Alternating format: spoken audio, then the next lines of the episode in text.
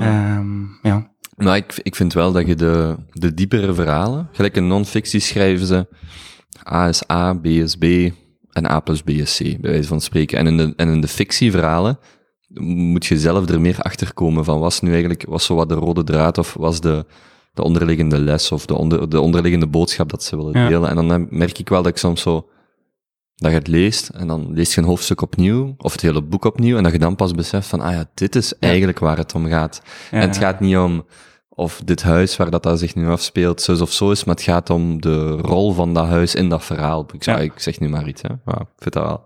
Ja, Dat dat, is dat, is, interessant. dat is grappig dat je dat zegt, eh, dat je het voorbeeld van een huis aanhaalt. Ehm over laatst in de Plaza Real ehm, zat er iemand aan een toog en ik was ermee aan de praat geslagen en die was ehm, bewust het pad van schrijver gekozen. Dus die was echt, eh, op een dag heeft hij gezegd, ik geef, ik neem een, ik geef mijn job op Hmm. eh, en ik ga naar de avondschool schrijven, dus je kunt dat volgen hier in Mhm. Antwerpen. Ehm, en die haar boek nu ging over een huis. En dat huis was ook een personage. Ah, kijk. Ja, dus Kijk. dat is eigenlijk echt heel toevallig dat je daar zo over begint. Je kunt, nee, maar dat is, dat is dan het mooie van fictie. Je kunt dan dergelijke dingen als metafoor gebruiken. Eigenlijk, ik, ik weet niet over welk boek het gaat, maar ik kan mij voorstellen dat er een donker kamertje is en een, en een eetkamer en een slaapkamer, ik zeg maar iets. Ehm, maar eens dat je dan als lezer die metafoor door hebt, voor wat het dan eigenlijk houdt, plaatshoudt, dat vind, ik dan, dat vind ik interessant. En dat kan bij fictie veel langer duren dan bij non-fictie. Want bij non-fictie ligt het er vaak gewoon dikker op. Hoewel ik moet zeggen, zo de, de journalistieke non-fictie, daar is een term voor. Gelijk Malcolm Gladwell, eh, Michael Lewis, zo die, gelijk Big Short en zo. Dat lees ik ook super. Ja, ja, dat dan- is echt heel vet, hè? Ja. Franco, Yes. stel eens voor, zou ik zeggen. Goed. ehm, ik herinner me niet meer, of het is al lang geleden dat ik een aantal afleveringen van u heb gehoord, maar eh, ik weet dus niet hoe dat het gaat, het format, maar ik zal, eh, ik zal me gewoon voorstellen. Ik ben Franco. Ik eh, ben afkomstig van de Kempen, van Mol, opgegroeid. Ehm, ik ben half Italiaan. Mijn vader is eh, overgekomen met zijn, met zijn vader van eh, Italië voor in de mijn te komen werken Van waar? van Puglia, Persice. Echt het meest zuidelijke puntje in de hak van de laars, als je Italië als een laars beschouwt. Dus eigenlijk als het goed weer is, vijf kilometer fietsen en dan tegenover de kust kun je Albanië zien. Hmm. Ehm, super zuidelijk, eh, best een arme streek eigenlijk. Ehm, heel warme mensen. Ehm, goed, dus half Italiaan. Ik, eh, ik ben dan gaan studeren in Leuven. Daar vijf jaar gestudeerd. Dan een jaartje in Antwerpen gestudeerd. Wat gestudeerd? In Leuven ben ik begonnen met een eh, bachelor biomedische. Dan een master ecologie. Gecombineerd met een, eh, een master milieuwetenschappen. Dus al mijn keuzevakken in ecologie opgenomen in milieuwetenschappen. Dus kon je, kon je rechtstreeks van de biomedische bachelor overschakelen? Of was er nog een schakeljaar? Ehm, ja, dus daar heb ik mij een beetje laten vangen. Ehm, op surfvakantie ehm, zaten we allemaal in de, in de campingstoeltjes en waren zo aan het spreken van wat doen we met Je ons... moet nog iets, Ja. iets dichter bij de microfoon komen. Ja. Wat, eh, wat zijn we aan het doen met ons leven en zo? En eh, moeten we niet kiezen voor passie en waar kiezen we voor? En ehm, toen heb ik eigenlijk beslist van oké, ik ga van biomedische naar, naar biologie. Eh, ecologie is daar een afstudeerrichting in. Ehm, dus ik heb dat eigenlijk op vakantie geregeld. Ehm was dat Toledo of zoiets? Hmm. Mm. KU Leuven. Ehm, dus ja, snel die studiepunten daar wat mee gegoocheld. En ik dacht dat dat in orde was. Ehm, dus ik begin met een master in september, ehm, eind, eind september in Leuven, eh, biologie. Toffe mensen leren kennen, ja, interessante vakken, echt de juiste keuze gemaakt. Maar ik merkte dat ik zo heel veel animo kreeg van, kreeg van mensen van... ehm, ga je niet mee op stap en zo, en ga je niet mee dingen doen. En ik moest eigenlijk vaak zeggen, ehm, nee, ik heb morgen vroeg een, een practicum, of ik kan niet, ik heb wel wat verplichting voor school. En ik merkte dat de rest dat eigenlijk niet echt had. En ik vroeg me zo af, hoe komt dat toch? En dan ben ik gaan kijken en ik had eigenlijk dat jaar, dat keuzejaar, of dat, dat, dat brugjaar, ehm, ook opgepakt. Dus ik had eigenlijk bijna 80 studiepunten of zoiets, dus echt 20 te veel Hmm. in, het, in dat jaar opgenomen. En vandaar dat ik zoveel te doen had. Ehm, zoveel extra vakken dan Dus die volledige master was dan 90 studiepunten, of gewoon... Ehm, of ja, ik weet meer. niet meer hoe, hoe het systeem eigenlijk in elkaar zit. Ik denk 120 is een volledige master. Ja, En ik had in dat eerste jaar er al 80 opgenomen, maar ik moest dat tweede jaar er ook nog wel 60 doen. Dus ik moest 20 studiepunten of zoiets. Ja, ik moet erom liegen hoor. 20 ehm, moest ik eigenlijk in een, in een brugjaar, of, of hoe noem je dat? schakel je. Schakeljaar o- opnemen. Maar ik heb dat tegelijkertijd in eerste master gedaan. Ja. Nu, ik heb dan heel hard geknokt en met, wel met, met wat herexamens eh, is dat dan wel gelukt. Dus dan was dat wel fijn, omdat ik dan een jaar of een half jaar gespaard had. Ehm, dus ja, dan zo in ecologie gerold. Tweede master ecologie kunnen heel veel keuzevakken opnemen. Dus daar eigenlijk alles bij de milieuwetenschappen gaan halen, want ecologie is eigenlijk heel technisch. Hm. Eh, en dan afgestudeerd. Ehm, geïnteresseerd in het bedrijfsleven, het duurza de duurzaamheid voor het bedrijfsleven. Maar eh, niet echt de ballen nog niet om in het bedrijfsleven te gaan, omdat ik daar eigenlijk geen kennis van had.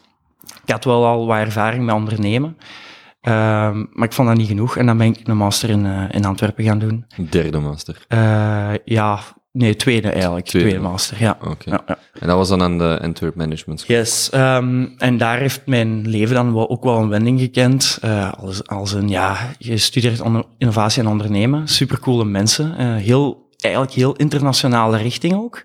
Een beetje een Erasmus in België meegemaakt. Eh, dus heel veel nationaliteiten. Relatief veel vrije tijd eigenlijk voor eh, een business school. Ik hoop dat nu niemand van AMS gaat luisteren. Ehm, dus dat ging eigenlijk wel heel goed. En dan ehm, een heel tof jaar. Interessante mensen leren kennen, waar dat dan een bedrijf is uit ontsproten. Ehm, dus ik ben daar niet in de duurzaamheid voor bedrijven gegaan. Ja, dus Eh, je hebt, je hebt eh, naar aanleiding van die master je eigen bedrijf gestart. Mhm. Ja, ehm, samen met dus een collega in de klas, eh, Maarten en Benjamin, ehm, twee eh, collega's. En dan is daar na een aantal maanden nog een professor bijgekomen. Of een PhD, nog niet benoemd dan. En dan zijn we vandaar verder, eh, hebben we Rebels uitgebouwd. Heel kort, wat Rebels is, is een digitaal innovatiebedrijf, bureau, agency. Ehm, wij zijn begonnen als digitaal bureau. Ehm, eigenlijk zijn we begonnen vanuit de motivatie van... Kijk, wij leren hier keiveel technieken eh, of methodes ehm, om bedrijven te vernieuwen, te innoveren, ehm, op verschillende niveaus. Maar waarom leren we hier eigenlijk over door papers te lezen? Laat ons dat eigenlijk gewoon eens gaan testen. Dus eigenlijk bedrijven, eigenlijk eerst binnen het school eh, geïnformeerd van, zijn er eigenlijk geen bedrijven die soms komen aankloppen van help ons met vernieuwing? Eh, en kunnen dat niet doorgeven aan studenten. En, eh, Gelijk een omgekeerde stage, zo gezegd. Je Ja. gaat normaal een stage als, als stagiair naar een bedrijf, maar hier was het omgekeerd van zijn er bedrijven die ons komen vragen, dan inderdaad. kunnen wij daar iets rond doen. En dan niet louter als stagiair, maar als eh, Ja, in een bedrijfsvorm. effectief, ja. ja. En dat eerste verhaal is eigenlijk wel best tof. Ehm, dus we hadden dat aan een pro programmanager gevraagd. En die zei, ja, er is eigenlijk toevallig iemand langsgekomen vorige week. Ehm, twee mensen. Die hadden een bedrijf, Sandbox. Elk een heel mooi verhaal. Dus dat was een, ehm, een soldaat, iemand die in het leger werkte. Hij had al een aantal missies gedaan. En die was tijdens een missie, eh, was er een, een bom ontploft. Heel, heel dicht bij hem. En die was deels blind geworden. Nu, ehm, zijn beroep, wat hij deed in het leger, was eigenlijk strategisch plannen van stel er is een crisissituatie, er worden rookbommen gegooid of er ontploft een bom en er is heel veel rook, eigenlijk het zicht is belemmerd. Hoe geraken wij weg van de site waar wij zijn, naar een veilige plaats waar een helikopter ons komt oppikken? Dus die gast was blind geworden door die bom dan, die ontploft was.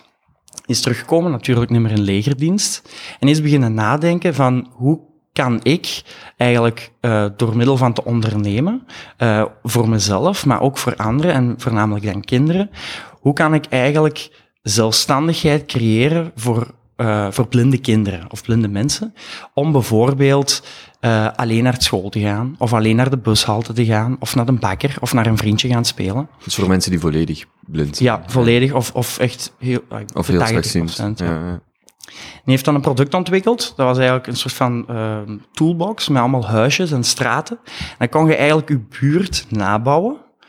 Um, er waren magnetische huisjes. Een heel, heel ingenieus systeem eigenlijk. Ook 3D geprint, was ook heel cool. Dus heel schaalbaar. En dan konden ouders... Dus gelijk een spelbord. Ja, een spelbord. Hm. Konden ouders eigenlijk de buurt waarin ze woonden nabouwen. Uh, door middel van tast konden die kinderen dat van buiten leren. En dan zo konden die eigenlijk zelfstandig naar een vriendje gaan of naar een bakker gaan. Ja, ja dus, dus je bouwt eigenlijk de, de, de buurt op en aan, aan de hand van de blokken of, of het, het gerief of de 3D-geprinte objecten weet een kind dan bijvoorbeeld, oké, dit blokje, ik zeg maar, is zo groot, dus ik weet als ik zoveel stappen doe, ben ik daar ongeveer.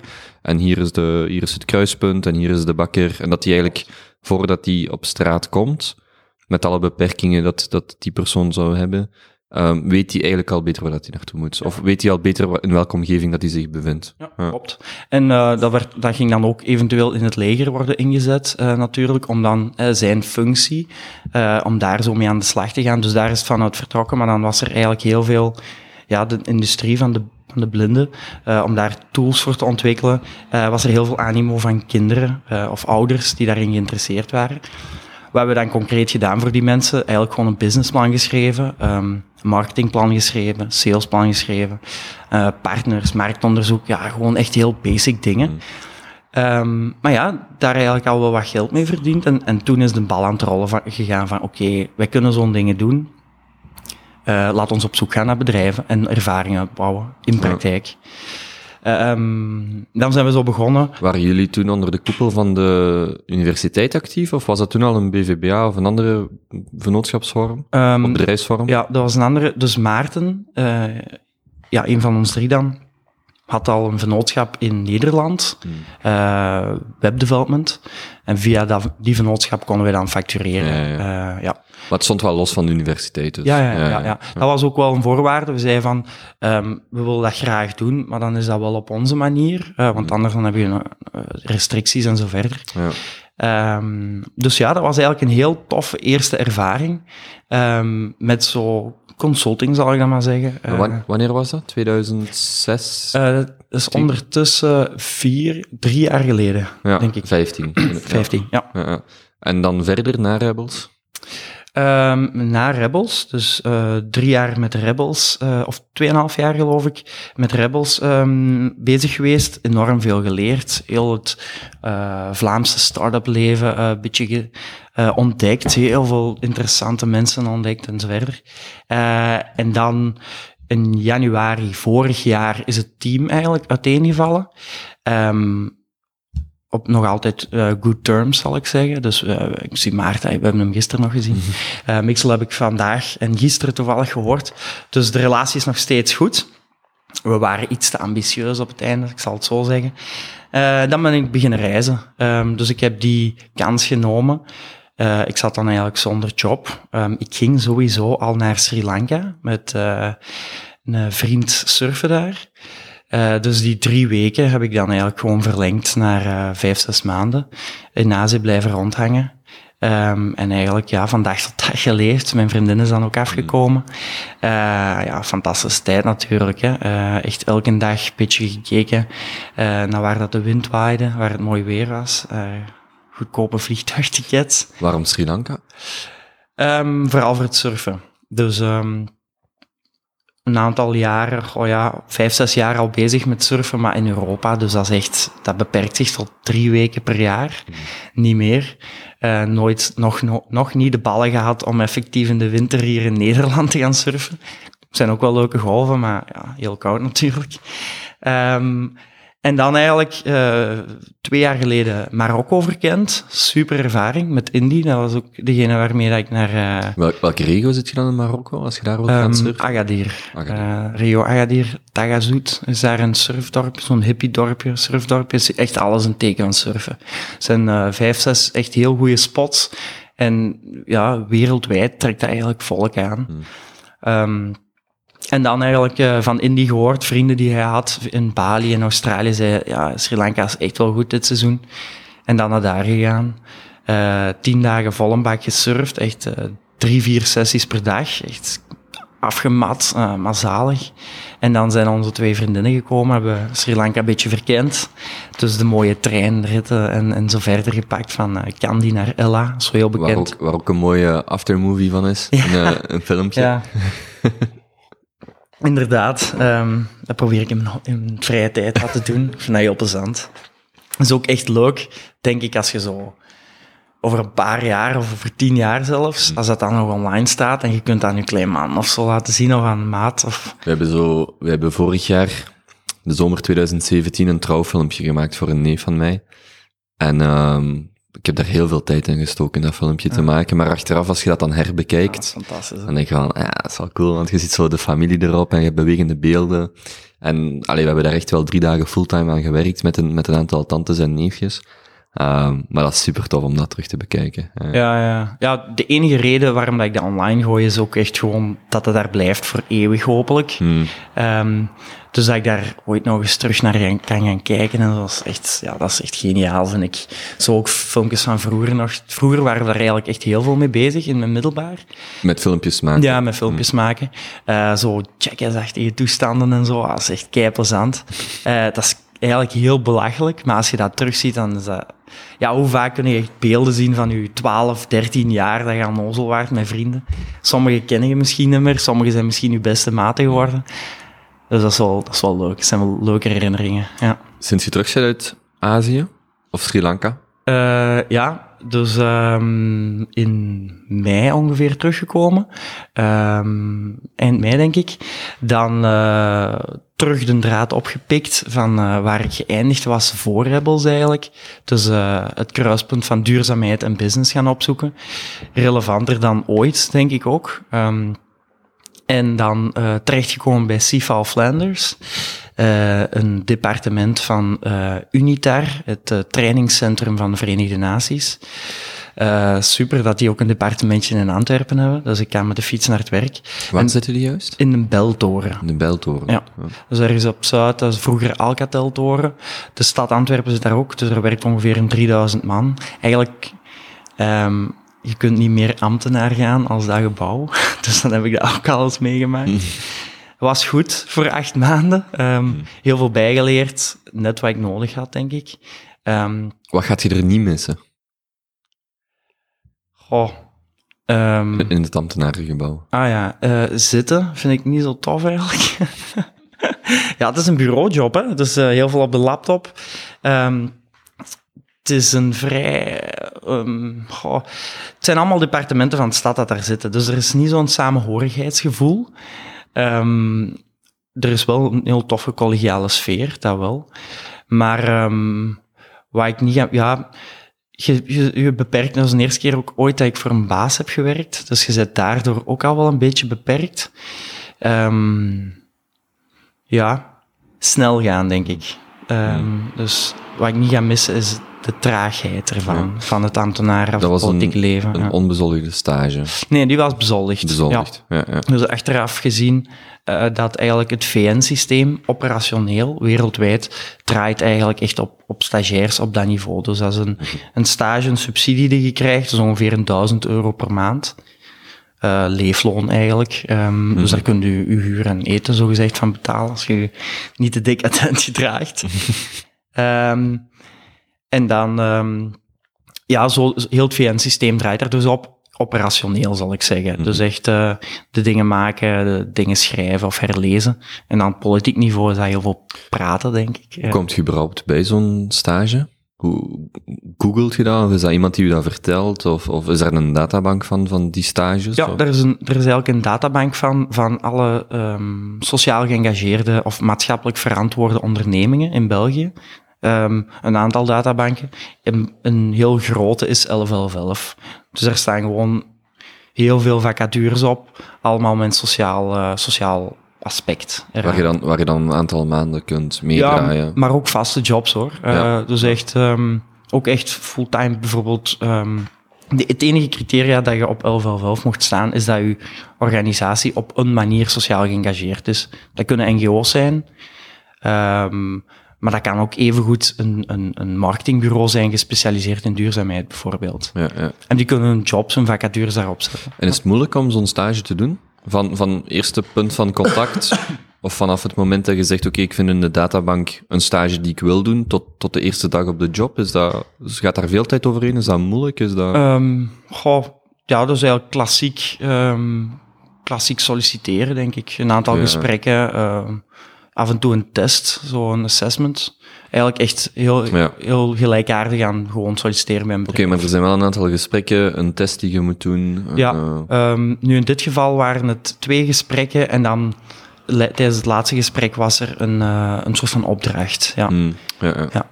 Alright. En wel fijn, want ik heb nu de volgende eigenlijk ook aangenomen. Dus nu heb ik eens aan de andere kant gezeten. De volgende stagiair. Ja, mijn ja. opvolgers, zo gezegd, ehm, heb ik mee geselecteerd. Dus die interview is afgelegd. En dat is wel leuk om eens te doen. Ah, Ja, ja. Zeg, en nu loopt dat dan af? En wat heeft de toekomst in, eh, in petto? Ja, ehm, spannend hè? Over, Want dan, eh, want dan kunnen we eigenlijk afronden met de introductie. Wie is, wie is Franco? amai, ja. Eh, heel lang. Mensen gaan al sowieso fast forward hebben gedaan. Ehm, maar dat is goed. Ehm, ja, wat nu? Hè? Ehm, ik heb een aantal andere projecten waar ik me zeker kan bezighouden. Maar de bedoeling is wel om relatief snel ergens aan de slag te gaan. Ik heb nog een skiverlof ergens tussendoor gepland. Ehm, ik heb een, eh, een vacature lopen bij de kringloopwinkel. Ehm, Een sollicitatie. in sollicitatie bedoel ik, ja. Eh, zit ik in de laatste fase, wel cool. Ehm, ik zou heel graag terug een beetje ondernemen. Ik doe dat nog altijd wel, maar eh, fulltime. Maar ik heb eerlijk gezegd op dit moment niet zo'n supergoed idee waar ik echt Hmm. keihard in geloof. Dus ik hou mijn ogen open. Doe wel leuke projectjes en ja, ik zal wel zien wat er op mijn pad komt. Ik weet niet in welke mate dat het eh, project van Strandhof relevant is, of dat je daar iets over kunt vertellen. Ja, zeker. Ehm, dus dat ligt zeker op mijn plank. Ehm, vijf jaar geleden met vier vrienden, drie vrienden gestart. Is uiteindelijk eh, gegroeid tot een, een tof concept, een strandbar. ehm, waar dat eh, een pop-up concept eigenlijk, elke zomer. Nu zijn we de stap aan het maken naar Antwerpen, wat misschien een kleine teaser voor de luisteraars waarschijnlijk zal gebeuren. Ehm, dus we zijn nu eigenlijk die overeenkomsten aan het doen. Maar eh, dit jaar zal ik er niet fulltime mee bezig zijn. Onze uitdaging dit jaar zal zijn om het eh, deels uit handen te geven. Dus het meer te managen, eh, marketing en al die dingen wel te doen, maar e- effectief de pin te tappen, Ja, de uitbating zal, zal voor iemand die willen we wel graag uitbesteden. Natuurlijk nog wel een dag of twee per week erin werken, maar fulltime gaat wel zwaar zijn. Ehm, en ook omdat ik ja, andere dingen wil eh, proberen. Er Eh, dus een, eh, een strandbar in Antwerpen Centrum. ja, echt eh knal in het centrum. Alright. Alright. ja, Wanneer, wanneer komt de bevestiging? ja, dat zal eigenlijk deze, pakt volgende week of binnen twee weken ten Ja. laatste zullen wij communicatie doen. Jammer genoeg dan onze community in Mol een beetje teleurstellen. blijft die, die blijft open of die... die- Ja, ja, ja, dat is hetzelfde, hetzelfde brand, hetzelfde Hmm. publiek. Eh, het zal aan ons zijn. Maar het is niet dat het verhuist. Er zullen twee... Nee, nee, nee. In Mol, ja. in Mol gaat het niet doorgaan. Eh, Ah, nee, oké. Nee, nee, ja. voorlopig niet. ehm, Dus het verhuist wel degelijk van Mol naar ja, Antwerpen. naar Antwerpen. Ja. Ja. ja, daar hebben we gewoon te veel tegenwind van lokaal bestuur. Hmm. Ehm, ik denk dat Mol, eh, ja, Naar regelgeving dan? Ja. Na- nachtlawaai, dat soort dingen? ja, die dingen. Ja, Ehm, ja. Ook qua snelheid. Ik merk dat eh, dorpen meestal, ja, Dorp, dorp, Ja, ja dus je moet het zo noemen. Gemeente, ja. Ehm, dorp. er zitten wat frustraties verborgen. Eh, nee, nee, nee, helemaal niet. Maar ehm, ja, Antwerpen is gewoon kei snel met zo'n regels. Die hebben direct een pop-up wetgeving en zo verder. In Mol blijft dat aanslepen. Ik kan me voorstellen dat dat in andere eh, gemeenten eh, ook zo is. Ehm, ja, en dat is gewoon jammer, want dat limiteert. In Antwerpen heb je meer eh, politie, politievoertuigen. ook. Zeker hier in Borgerhout. nee, eigenlijk niet. Eigenlijk is dat niet zo. Maar ja, bon, dat is een cliché. Ehm, maar toevallig, gaan we dat horen? Eh, een beetje. Ik denk een beetje. Ja, oké. Ja, sorry. Dus, Ehm, dus de, verhuis, de verhuis is ook deels omdat er een, een mol gewoon te veel bij komt kijken, los, van, los van het concept. Ja, ook steeds verhuizen van locatie. Je kunt eigenlijk niks duurzaam opbouwen. was trouwens een ambulance, geen Ah, politievoertuig. Oké, voilà, kijk. Ehm, Ja, dus, Dus het is de bedoeling om dus nu in Antwerpen te lanceren en ook dan op termijn in Antwerpen te blijven en dat concept hier uit te bouwen. ja, zou cool zijn. Ja, dat zou... eh, natuurlijk zijn hier, hier 13 in een dozijn. Hmm. Dus eh, Zijn er al strandbars of zo in Antwerpen? Goh, er zijn echt supercoole concepten hier. Echt heel creatieve mensen. Ehm, verschillende doelpublieks. Eentje, eentje aan het Noordkasteel bijvoorbeeld. eh, bar Latour, geloof ik. Eh, camping Contiki, dat is zelfs een camping met een houtoven voor pizza's. Ja, dat is echt machtig. Dat is heel cool. Ehm, dus er zijn heel veel toffe concepten hier, maar hier woont ook wel tien keer zoveel volk natuurlijk. hè. Ik moet zeggen, ik kijk, eh, ik kijk hoe langer hoe meer uit naar de zomer in Antwerpen. Toen ik hier vorig jaar woonde, ben ik voor de zomer vertrokken en pas in de winter teruggekomen. En dit, jaar, dit jaar ga ik wel op de zomer hier zijn, of in de zomer hier zijn. En ik ben echt benieuwd naar, eh, ja, naar zo de overgang van de lente naar de zomer en, al die, en te kijken hoe dat al die concepten of al die, die projecten starten. En eh, wie weet waar je, waar je om twee uur s'nachts op een typische zomerdag zit. Ja, In, in, in, in tegenstelling tot in de winter, hoewel ik het hier in de winter ook wel tof vind. Ja. Er zijn net twee, twee vriendinnen bij mij aangekomen, en die, die zijn dan twee Duitse vriendinnen die, die aan- voor de eerste keer in Antwerpen zijn. Die zeggen van, ah, dat is hier wel gezellig, hè? Dat is eigenlijk wel een tof stadje, hè? Als het over uw appartement of? Nee, nee Ah, ze hadden dat echt, ja, daar waren ze nog niet, nog niet binnen geweest, dat vonden ze ook wel tof. Maar ze, ze zaten daar op de Nationale Straat en aan de Kammenstraat, omdat ze dan, omdat ze eh, het aan het zoeken waren. En, en ze zeiden van, allee, dat is hier, we komen eigenlijk vlak de snelweg af. We zitten hier direct in het centrum, dat is allemaal zo klein. Oké, het is ook zaterdag, dus er loopt ook heel Ja. veel volk in de, in de stad rond. Maar het is wel, ik kan me ook voorstellen dat in de zomer, dat dat gewoon als dat allemaal openbloeit en nog meer mensen op, op straat zijn, of, of tenminste Ja. buiten, kijk er wel naar uit. Ja, ja, super. Ehm, hier ook in Borgerhout, ik vind dat zo fijn. Hier is hier heerst een bepaalde community of zo. Ehm, je hebt ook zo, zo wat Facebook-groepen of zo wat, ja, platformen waar mensen samenkomen en samen initiatief nemen. Ehm, ja, ik, dat is gewoon echt heel gezellig. Het is zo precies een, een kleine gemeenschap binnen een grote stad, Mm. waar dat je veel meer identiteit hebt en veel meer connectie, denk ik. In een grote stad dan is dat iets moeilijker. Eh, over het algemeen is dat de regel, zal ik zeggen. Ehm, maar hier, wij wonen dicht bij het Kroegerplein. Ehm, ja, daar is bijna elke dag iets te doen dan in de zomer. Men, je krijgt hier flyers in de, in de brievenbus van eh, volgende week is het Mosselfeest, zaterdag. Iedereen welkom vanaf 9 uur om helpen op te stellen. En dan komt daar ook echt effectief veel volk mee helpen. Ja. Gewoon omdat dat van het volk, voor het volk, ik weet niet, hier eh, voor de community. Ja, dat is echt prachtig om hier te zitten. de negatieve connotatie van Borgerhout, gelijk het de laatste 20 of 30 jaar misschien was, eh, of zeker was, is wel, is wel aan het veranderen, als, ik- als ik u erover Ja. over vertellen. Ja, ik vind dat wel.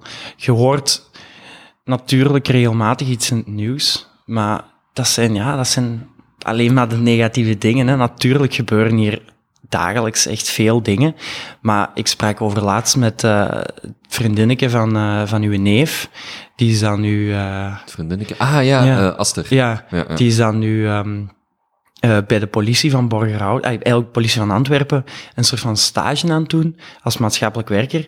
En als alles in het nieuws zou komen, ja, dan gebeurt er elke dag gewoon veel. Hè. Als het nieuws, als de media een aantal negatieve dingen eruit pikt van Borgerhout of van op Noord, ehm, ja, dan lijkt dat voor mensen die in de rest van België wonen een heel negatief beeld. Maar dat is echt helemaal niet zo. Ik bedoel, ik werk hier eh, om de hoek in een café. Ik wandel altijd s'nachts naar huis. Ik heb nooit problemen, integendeel zelfs. En eh Lien ook, mijn vriendin, soms dan is die aan, aan het proberen te parkeren bijvoorbeeld. En dan, eh, dan komt er echt volk gewoon helpen. Dus stoppen de auto's en ja, ja, ja eh, nog een klein stukje. Eh, natuurlijk vrouwen. Ehm, of eh, toen ik hier aan het verhuizen was, ehm, was er een zwaar stuk, een zware kast. En ehm, ik heb gewoon iemand op straat aangesproken en ik zeg, wil je me even helpen die ijskast naar boven te doen? Ja, geen probleem. Ik bedoel, Ja, ja. ik merk er echt niks aan. Eh, misschien gelukkig. En lekker eten maar- hier, hè. Goeie, goeie horecazaakjes. Ja, ja, vangelijk. Ik ben, ik ben mijn, ehm, mijn kennis van de Syrische keuken onder andere aan het uitbreiden. En ik moet hier ook nog eens vis gaan eten, dat we ook over laatst doen, maar ik was verkeerd gefietst en ik had geen goesting om terug te fietsen. Maar eh, een keer calamares gaan eten of vis. Ja, eh, ja, ja. fantastisch. Hè? Ehm, ik heb ergens gelezen of gehoord dat de Turnhoutse baan ehm, eigenlijk de, de straat is in Europa, geloof ik, waar dat de meeste nationaliteiten leven. Dus verschillende nationaliteiten Ja. eh, wonen. Eh, echt enorm veel. Ja, en ehm, die mannen, als die, als ja, veel van die nieuwkomers, ehm, lang geleden al, eigenlijk is het al derde generatie ondertussen, die zijn ook vaak ondernemend. Eh luisteraars gaan misschien een beetje lachen, want onlangs is dat dan in het nieuws gekomen dat er heel veel witwaspraktijken Ah, ja, ja, ja. en zo zijn van al die winkeltjes. Ehm, maar ja, de, dus het gevolg is dat iemand van Syrië een Syrische zaak start, eh, een Marokkaanse restaurant start of specialiteitenwinkel.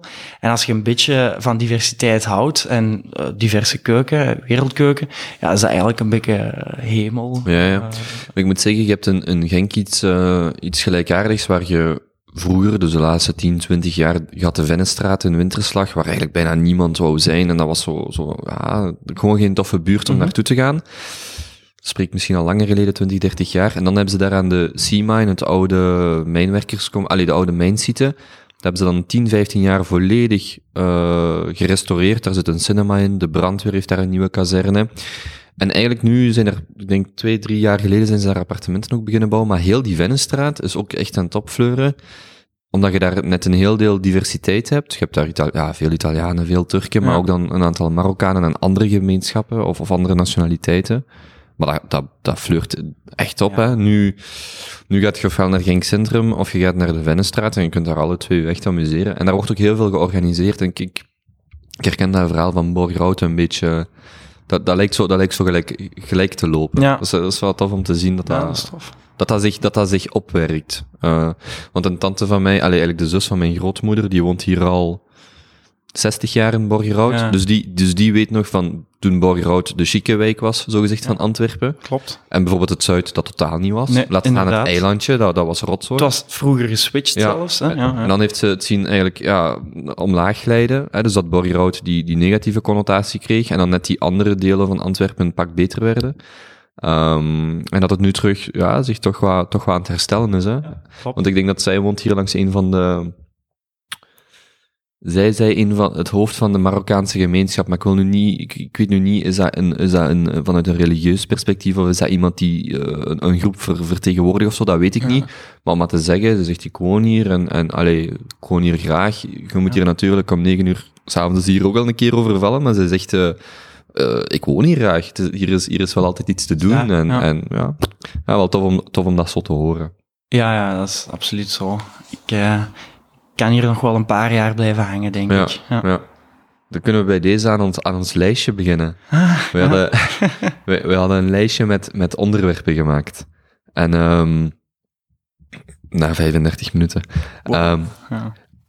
misschien de, de kennismaking, daar beginnen. En, en dan, dan ga ik eerst mijn verhaal vertellen als dat goed is, en dan, en dan kunt jij daarop inpikken. En eigenlijk ik vind dat wel een mooi verhaal, omdat je zo, als je, als je een ondernemend of een artistiek pad opgaat, dat is altijd zo, zo wat zoeken van, je hebt niet, niet altijd die directe return. Hè? Dus als ik morgen, als ik morgen eh, eh, iets doe waar ik direct voor betaald word of je direct voor gecompenseerd wordt, dat is één ding.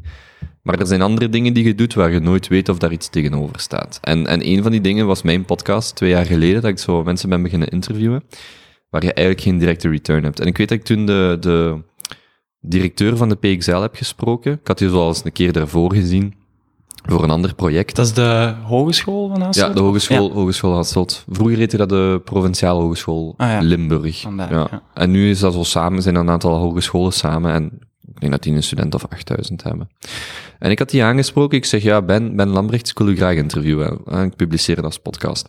Wij doen, wij doen dat gesprek en twee dagen later of zo belt hij mij en zegt ja, we moeten dat toch opnieuw doen. En ik denk, oei, we moeten dat opnieuw doen. Ik, ik dacht, oei, iets fout. En we, we plannen dat opnieuw in. En ondertussen vraag ik aan mijn departementshoofd, die, die ik wel beter ken. Ik zeg, maar hoe komt dat hij dat opnieuw wil doen? En het departementshoofd zegt van, ja, ik denk gewoon dat hij heel nerveus was en dat hem, dat hem het echt heel goed wil doen. En. Dus wij doen, een, wij doen een tweede gesprek en dan leert elkaar alweer wat beter kennen. Hè.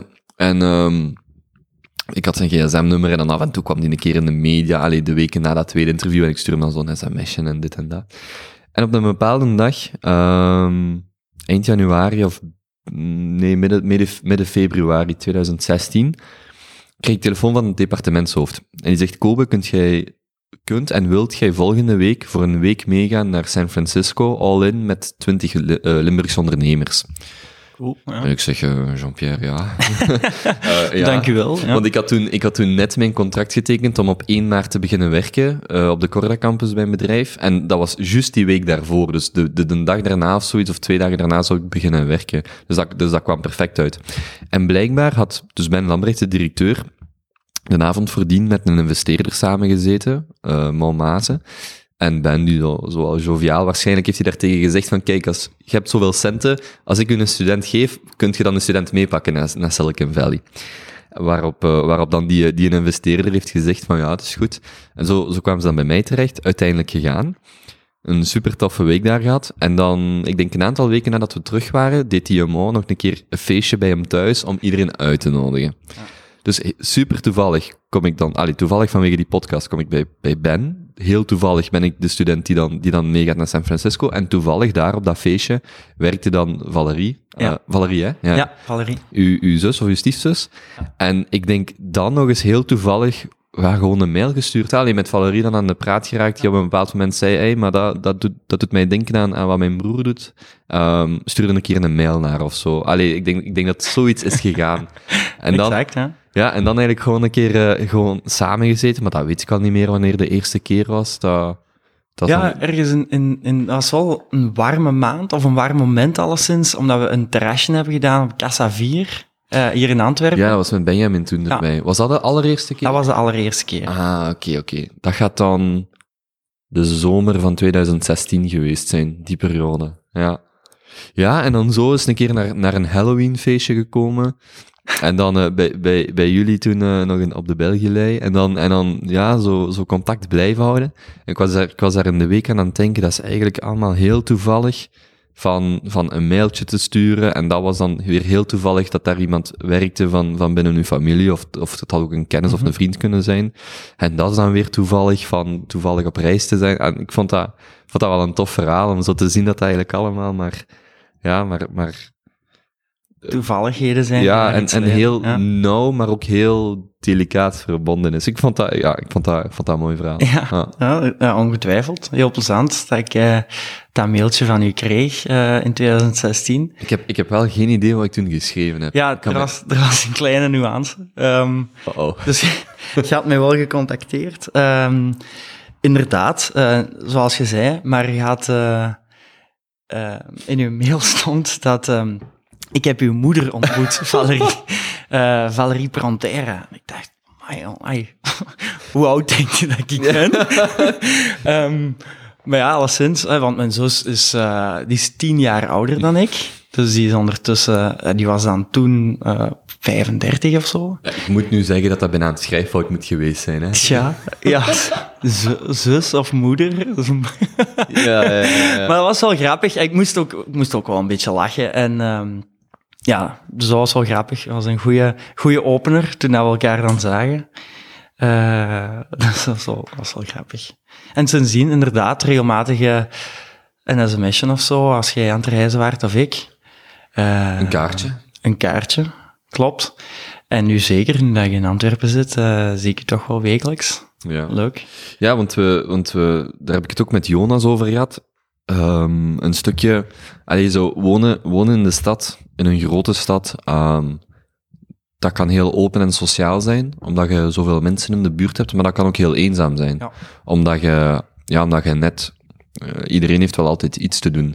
En dat vind ik ook wel tof, daar heb ik het al met Jonas over gehad, over die, die tweede graadsdiners, ja. allee, of het eerste wat we gedaan heel hebben. Cool. Heel cool concept, ja. Maar ook gelijk nu, gelijk gisteravond samenkomen met een aantal gasten en dan rond, rond technologie spreken en zo. Mhm. Mm -hmm. En ik moet wel zeggen dat dat, dat dat mij verbaast, dat ik daar niet zo... Allee, want eigenlijk ken ik maar een drie, viertal mensen in Antwerpen vrij goed.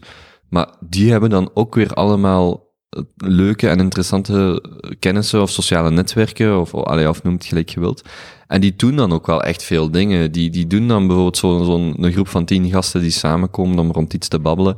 Of die doen, over laatst was ik bij iemand anders die dan zo'n huiskameroptreden deed van, ja, van een uh, comedienne. En, dan, en dan leert je daar weer iemand kennen. En dan spreek je daar eens een keer mee af. En dat is echt wel, op dat vlak kan ik totaal niet klagen van, van hier in Antwerpen te wonen. Maar dat verschil is wel delicaat, want ik kan me ook voorstellen dat heel veel mensen zich heel eenzaam kunnen voelen in zo'n stad. Ja, dat is waar. Dat is zo. Ehm, ja, zeker als je hier opnieuw naartoe komt. En ik denk dat ook wel, wel van je job afhangt. Dus denk als je naar een, of als ik naar mezelf zou kijken, stel morgen krijg ik een jobaanbieding in, zeg maar iets, um, Rome. En ik ben bereid om daar naartoe te verhuizen. Ja, je eerste sociale contacten zoek je waarschijnlijk bij je collega's. Hmm. Maar ik ben, ik beschouw mezelf tamelijk sociaal, toch? Um, maar om nu zo echt gewoon op café te gaan en dan zo met mensen te gaan praten, als er zo weinig context is, is dat niet zo simpel eigenlijk. Hè? Um, ja. Nee, het zijn, het zijn meestal wel de, de plaatsen waar je je engageert met andere mensen. Voilà, op die manier. Hè? Like als ik vorig jaar zo, zo, ja, of zo improvisatietheater heb gedaan, ja. daar heb je dan weer een groepje. En oké, okay, dat is ook allemaal, je, je krijgt ook maar deels van terug wat je er zelf insteekt. Mm -hmm. Je moet zelf eens een keer iemand uitnodigen voordat die u zomaar gaan uitnodigen. Allee, dat is toch, dat is toch mijn, uh, mijn ervaring daarmee. Maar het is wel zoals je morgen gewoon op straat tegen iemand zegt, wilt jij mijn vriend zijn? Of wilt, ja. jij, wilt jij iets komen doen? Dan is dat meestal niet zo, maar er zijn wel heel veel manieren om, om, om je toch zo, toch zo in te werken. ik moet zeggen dat dat eigenlijk heel goed meevalt. Zo. Ja. ja. Ja, dat is tof, dat je een warm welkom hebt hier. In, ja. uh... ik, weet, ik weet niet waar dat dit naartoe gaat, waarom ik dat nu... ik, wou eigenlijk, ik wou eigenlijk een vraag stellen. Um, je hebt ook heel veel gereisd uh, en bent nog van plan om tamelijk veel te reizen. Um, als je reist, heb je dan niet het gevoel dat mensen... Natuurlijk, dat is een heel, heel andere context. Maar mijn vraag is eigenlijk, denk je dat dat aan België ligt? Aan onze hier aan onze samenleving, dat het moeilijker is om op straat van te zeggen, hey, eh, ik ben Franco, wie bent jij, dit en dat. Want ik heb het gevoel, als je bijvoorbeeld aan het reizen bent, um, dat dat wel makkelijker is. Of dat ook voor jezelf, dat je die drempel verlaagt. Um, en zeker als je alleen aan het reizen bent. Um, ja. Dat je wel meer moeite doet of sneller die stap durft zetten. En dat je waarschijnlijk ook wel een paar keer met je neus tegen de muur loopt. Hè, van mensen van die, waar dat je vijf, zes cent mee uitwisselt en dat dat dan weg is. Hmm. Maar dat je daar wel iets directer of socialer bent.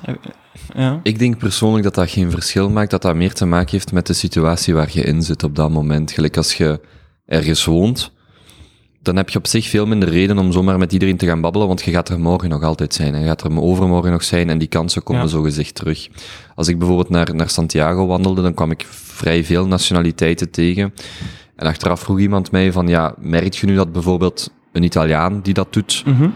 opener is of makkelijker om mee te spreken dan pakweg een Duitser die je daar tegenkomt? Ik zeg, ja, maar dat is niet de juiste vraag, omdat de mensen die dat überhaupt doen, die zijn, ja, al, per, waar, die zijn al per definitie opener of avontuurlijker dan anderen. Dus je kunt dat heel moeilijk vergelijken. En als je dan, als je dan in het buitenland zit, of je nu alleen reist, wat ik eigenlijk vaak heb gedaan als met andere mensen te reizen, dan zit je in een zeer specifieke context of situatie. En dan is het gewoon gemakkelijker om, om naar iemand toe te gaan. Want alleen in mijn geval, als je weet van ik ben hier volgende week toch weg, wat heb ik te verliezen? Ik ga hier een keer met iemand babbelen of, of iemand aanspreken, terwijl als je ergens woont, ja, ik kan bij u een pint komen drinken, maar ik kan daar volgende week nog komen en over een half jaar ja. nog komen. En op zich, ik vind dat een heel andere situatie. En ik weet dan niet of, of het iets Belgisch is, of West-Europees, of, of, of weet ik veel. Ik ja, denk dat dat heel veel te maken heeft. Wat, ik wel, wat mij wel opviel, het verschil tussen bijvoorbeeld, ik heb in Brazilië en in Duitsland gewoond in Brazilië was het heel gemakkelijk om mensen te leren kennen. Echt, mm -hmm. allee, daar, daar heb ik, ik heb een keer proberen te tellen, maar daar moet in de duizend, duizenden zelfs geweest zijn. Echt mensen dat je, dat je een keer mee babbelt.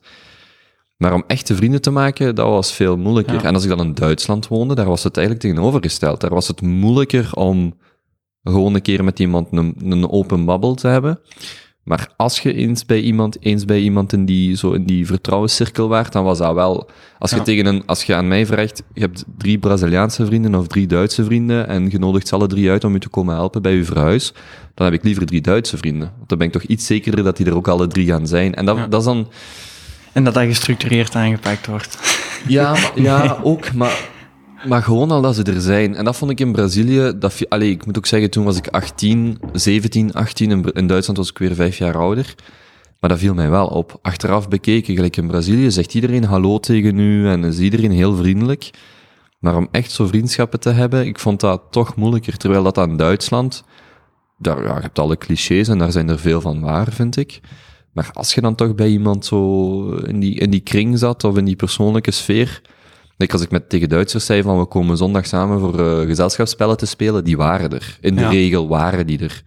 Als ik dat morgen tegen een aantal Brazilianen zeg, ja, dan kun je zeggen dat je om 12 uur begint, maar je bent om drie uur nog niet, nog niet vertrokken. Allee, en dat is zo...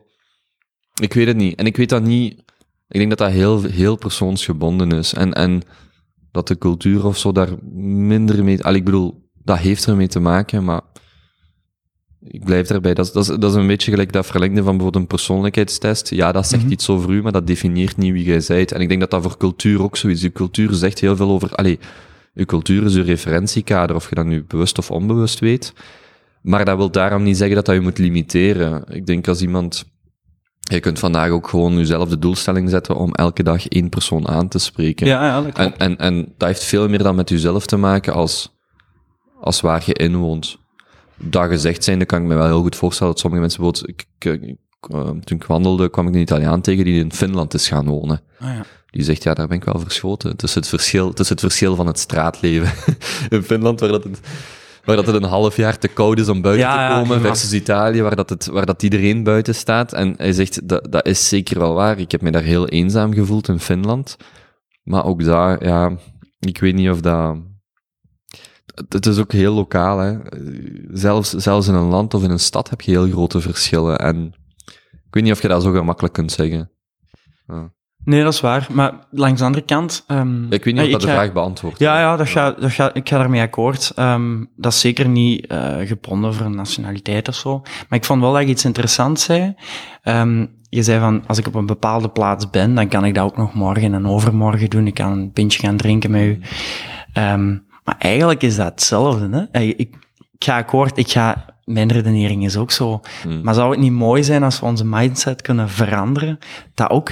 Want in principe is het dezelfde tijd, hè? Ik bedoel... Ja, ja, dat is Eh, waar. Het gaat voorbij, hè? Ik Ja, maar het, bedoel, voelt, maar het voelt wel anders aan. het Hè? voelt anders, hè? Als jij morgen weet dat je over vijf dagen nu terugvlucht hebt, dan voelt dat Dan anders je aan. nog Als, invullen met van alles. Ja. En, ja. ja, of dan denk je er tenminste anders over na. Ehm, nu, het hangt er echt helemaal vanaf wat je wilt doen. Hè. Ik heb ook al reizen gehad dat ik heel bewust met bijna niemand heb gesproken. Dat ik het net fijn vond om gewoon helemaal op mijzelf te zitten.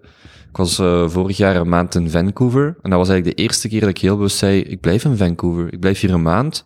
Pak hier zo'n tramabonnement of een openbaar vervoerabonnement, zodat ik wel in de stad kan rondhangen. Maar ik ga niet naar Whistler en naar al die andere plekken en ik ga niet naar Seattle. Ik blijf gewoon hier een maand. En ik heb geen goesting om te rijden, want iedereen, ik zat zo in een hostel waar dat al die, die mensen met zo'n visum zitten, met zo'n work and Ah, ja. holiday visa, gelijk je dat in Australië ook hebt. En die zeiden dat dan van, ja, kom dit weekend gaan we op stap en dan gaan we, dan gaan we naar Whistler en dan gaan we daar naartoe en dan gaan we... Ik zeg, nee jongens, ik heb hier eh, tien boeken bij, ik zet met een koffiebarke met een knar- paar knappe madammen die ik leer kennen en dat is genoeg voor mij, hè. Allee, Ja. Allee, en, en dat, dat vond ik dan wel heel... Ja, dat was, dat was eigenlijk het tegenovergestelde van de meeste. Want dat- twee maanden daarvoor wandelde ik dan. Ja, daar leert je elke dag iemand kennen. En daar zit je elke dag aan het babbelen met iemand. helemaal anders, hè? Ja. Want dat, want dat was grappig, gelijk die, die twee Duitsers die nu hier zijn, eentje heb ik daar leren kennen. We waren zo twee dagen aan het wandelen. Ik was dan zo aan het vertellen van mijn reizen. En op een bepaald moment vraagt hij zo, ah, spreekt je ook Duits? Ik zeg, ja. En dan, en, en dan kijkt hij zo naar mij van, kon je dat niet eerder zeggen? Ik zeg, ja, je hebt dat niet gevraagd, hè? Dan, dan, dan moet ik dat toch ook niet zeggen? En dan hebben we zo voor de rest Duits gebabbeld. En dan kwam je zo'n aantal Italianen tegen. En dan sprak, ik- ja, die spraken dan Italiaans tegen mij. Ik versta dat wel wat. En dan in Portugal, als we dan zo gewoon iets Mhm. gingen eten of drinken, dan een beetje Portugees. Dat, dat was het tegenovergestelde, hè. Daar werd je elke dag aan het babbelen. En elke dag kwam je daar wel met mensen eh, per definitie in contact. Maar dan in Vancouver was dat tegenovergesteld. Daar, daar, af en toe sprak ik daar ook wel met mensen, maar dat was veel meer van... Ik heb hier mijn structuur, ik ga iets eten, dan ga ik een paar uur lezen, dan ga ik een beetje rondwandelen in de stad. En dat doe ik gewoon 24 dagen. En dat was eigenlijk, dat was eigenlijk heel leuk. Maar dat was het tegenovergestelde, hè. Maar ik ben nog altijd dezelfde persoon, maar dat, dat was een tegenovergestelde reis. Ja. Dus, Een andere, Ja. ook met een andere bedoeling, hè? Een andere mindset. ehm. ja. Maar dan kom ik terug op dat punt van, oké, als ik nu morgen, als ik weet dat ik, dat ik toch genoeg tijd heb, wat, ja, allee, dat gaat ook verder als reizen, hè. Als jij morgen weet dat je, dat je, als je niet zo die druk, die tijdsdruk hebt, dat, dat verandert alles. Als ik, nu, als ik nu hier zit en ik weet dat we over een kwartier moeten afronden, dan weet ik, dan is dat de dynamiek van zo'n gesprek anders. Ja, gewoon als dat je weet absoluut. van, we hebben eigenlijk tijd. En dat is met alles zo. Als jij, als jij eh, morgen weet dat, dat, dat datgene wat je doet eindig is, en je kunt, je kunt zeggen, dan argumenteren alles, allee, eh, dat dat, in, dat dat in de realiteit maakt dat geen verschil, hè? of iets nu eindig is of niet. Eigenlijk doet dat heel weinig ter zake. Of jij nu weet dat je morgen kunt gaan werken of niet, bij je bedrijf, dat doet eigenlijk niet, dat doet geen afbreuk aan de situatie waarin je vandaag zit, maar het voelt wel anders. voelt anders, Ja. ja. Ik denk dat het interessant is als je je mindset zo wat kunt veranderen. Ik denk, voor mij persoonlijk, ik kan ook alleen maar voor mij spreken, ehm, dat ik dan wel veel meer opportuniteiten zou nemen en zien. Ehm, als ik elke dag zou leven alsof dat het, wat ik aan het doen ben, eigenlijk de laatste zou Mhm. zijn. Ehm, je zou het moeten doen, dat is natuurlijk niet echt heel realistisch altijd. Eh, ja, ik vind dat wel een interessante gedachte, want ik denk daar wel veel aan. Het is zo, ik Ehm, vind het wel goed dat ze zeggen plan op lange termijn en voer uit of beslis op korte Ja, termijn. klopt. Dat je zo, dat je voor jezelf wel die, die, die vrijheid hebt om op korte termijn dingen te doen. Maar dan weer, dat, is, dat, ligt, dat ligt volledig in je, in je eigen, eh, dat ligt volledig aan je eigen, hè. Ja. Als jij, als jij zegt, ja, ik wil, ik wil elke week tenminste één iemand... Allee, dat, dat wat wij nu doen met die tweede graadsdiners bijvoorbeeld. Dat is iets wat ik graag elke twee weken zou doen. Ehm dan kun je ook zeggen, ja, of we dat nu om de twee weken doen of om de vier weken, we hebben tijd genoeg. Maar nee, je maakt het, of, om de, of om de twee maanden of, of om het jaar. Je zegt, nee, ik wil dat gewoon elke twee weken doen, want op die manier leer ik weer mensen kennen of ben ik, eh, kom ik weer met andere ideeën in contact. En ik denk als je daar bewust mee omgaat, dat dat heel interessant is. Ja. En, en gewoon er u al van bewust zijn dat dat al veel doet. Want ik was trouwens, ik was naar een, naar een sessie geweest in, in eh, Hasselt van, eh, van eh, twee kennissen die, die een bedrijf bestaat, bestaat tien jaar of zo. En die hadden Isabelle Dumortier, is een, ehm, de eigenares van de Tutu Shop. Ik weet niet of je zo, die tutus, dat zijn zo van die, van die kleedjes, Ah allee, ja, van, die, van die rokjes. Allee, rokjes zijn het niet echt. zoiets nieuws dat zo... Ja, je ziet, Ja. Dat, je ziet dat wel af en toe. Ja. Dat is wel, ja, dat is wel vrij knap. en, ehm, en dus, die, dus die kwam daar spreken. En het was toen ja, vrij koud ook. En die kwam daar spreken. En ik dacht, oh, nu moet ik zelfs terugwandelen naar het station en met de trein terug. Ik dacht, ik ga dat gewoon vragen. Want ik wist wel dat die, ik volgde die haar nieuwsbrief al even. En ik wist dat die hier in Antwerpen, Antwerpen woont. En eh, ik, heb toch gewoon gevraagd, van, kan, kan ik met u meerijden eh, naar Antwerpen? En zei, ja, dat is goed. Waarop we in de auto stappen en zij zegt zo, ken ik u eigenlijk? Ik zo, nee. Dus zij zegt, ah ja, ik ben echt een lifter hier aan het meepakken. Ik zeg, ja, ja, dat is wel waar. In ieder geval, ik was haar aan het uitleggen van die, eh, van die tweede graadsdiners. En zij zegt, ja, dat is, dat is super tof. Je moet, Zalig, mij, je moet mij ook een keer uitnodigen, wat, wat ik ook graag wil doen. Maar om maar te zeggen, als je bewust die keuze maakt van we plannen dat in, we doen dat wekelijks of twee wekelijks of zo, dan zit je daar ook mee bezig. En, en dat, dat is denk ik de, de belangrijkste stap. Gewoon dat je zegt van ik beslis om daar iets mee te doen. Doen, ja. Ja. ja. dat is... En dat in te plannen. En dat, en dat, ja, ik denk dat dat, ik weet dat niet. Ik denk dat zo wat een, een, een, een ziekte is misschien een te negatief woord, maar voor onze generatie, ehm, al- we, zijn, we zijn daarmee opgegroeid met een, een exponentiële toename aan middelen om mogelijkheden te, te verkennen en, en opportuniteiten te nemen. Dus ineens is er, mijn grootouders zeggen dat echt heel vaak, van in onze tijd kon dat nog niet, ze. Hmm. Maar het is ook wel echt zot dat wij eigenlijk zometeen een auto zouden kunnen pakken. We, we springen het vliegtuig op en desnavond kunnen we nog iets eten in Lissabon bijvoorbeeld. Ik bedoel, er zijn zoveel mogelijkheden en je hoort dan heel veel succesverhalen van mensen die bepaalde dingen gedaan, hebt, ge- gedaan hebben die, heel, die je heel boeiend of cool vindt. En je denkt van, oh, dat wil ik ook wel of dat, dat kan ik ook wel doen. Maar door die toename of dat aanbod van die mogelijkheden, dat kan u ook wel een beetje bevriezen, denk ik, van... eh, ik kan zoveel doen, hè? en dan dat gecombineerd met de mindset van, ja, maar ja, ik ben in Antwerpen, eh, ik kan dat morgen doen of ik kan dat overmorgen doen. Ik zit hier nog wel een tijdje. Eh, er in, Antwerpen zijn er zoveel toffe dingen te doen. Het belangrijkste is gewoon om dat te doen en niet te plannen of, of ehm, gewoon dingen proberen en experimenteren en niet ervan uit te gaan van ik heb nog wel wat, wat dagen hier in Antwerpen, maar je hebt eigenlijk een beperkt aantal dagen waar je verschillende dingen kunt proberen eigenlijk. Mhm. en, eh, ja, zeker. en op die manier, en ik denk dat dat wel wat eigen is aan, om ons dan millennials te noemen. We hebben zoveel, niet alleen heel veel informatie, we kunnen ons voeden op elk mogelijke manier. We kunnen, ik heb zo zoiets van iemand gehoord, je kunt eigenlijk, als je afstudeert, je zet, ik zeg maar iets, 18 of, of 19, je, studeert, je studeert vijf jaar voor ingenieur, je bent vijf jaar ingenieur. Je gaat terugstuderen voor arts, zeven jaar, je kunt vijf jaar arts zijn. Je gaat terugstuderen voor, ik weet niet wat, schrijver of, of uh, taal- en letterkunde, en je kunt vijf jaar schrijven. Je kunt eigenlijk op één leven drie, vier verschillende dingen doen als je wilt. En nu zeker met ons, wij kunnen onze uh, uh, dingen leren met YouTube, boeken kopen. Informatie is nog nooit zo goedkoop en, en beschikbaar geworden dat, dat kan u ook echt wel bevriezen. Want ik herken mijn eigen. De ene dag wil ik mijn eigen toeleggen op lopen en marathons en keiveel daarover weten en lezen. De andere dag denk ik, shit, die filmpjes maken, dat is eigenlijk echt wel tof. Misschien moet ik daar mijn eigen meer in ontwikkelen. Of met de duurzame business. En dat kan u ook wel echt bevriezen. En... Tuurlijk, om, omdat je, je ziet ook van iedereen dat alles lijkt te kunnen, maar je ziet ook maar één aspect van. Voilà, van... inderdaad. Er zit nog heel veel achter, heel veel hard werk en doorzettingsvermogen. En mijn punt, ik wil eigenlijk helemaal geen punt, maar ik weet niet waar ik naartoe aan het gaan ben. Maar ik wil gewoon zeggen, ik herken dat heel hard in mezelf. Ik denk dat het gewoon, of daar heb ik mijn eigen al een tijdje geleden voorgenomen, om gewoon dingen te doen. En als dat leuk is, is dat leuk. En dan ga ik daarin mm. verder. En als dat een passie is, dan merk je wel na vijf keer van, tja, ik heb dat nu al vijf keer gedaan. Misschien vind ik dat wel echt plezant. Mm. Misschien moet ik daar wel eens mee doorgaan. En vanuit die filosofie, en als je dan na een tijd beu bent, vind ik daar ook echt niks mis mee. Als je dan wisselt van job, of van hobby, of van interesse. Uh, nu ook met solliciteren. Ik spreek dan met, uh, een goede vriend en um, ik was mijn keuzes aan het overwegen en eigenlijk mijn eigen aan het verdedigen van waarom ik die job zou kiezen en waarom niet die, om mijn carrière uit te bouwen en, naar, en te werken naar de berg, de symbolische berg waar dat je uiteindelijk in je leven wilt geraken.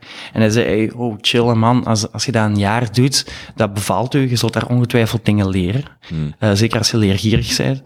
En als dat, als dat gedaan is, als je leercurve weg is of je passie, dan verander je gewoon. Daar is eigenlijk echt niks mis mee. Uh, dus ja.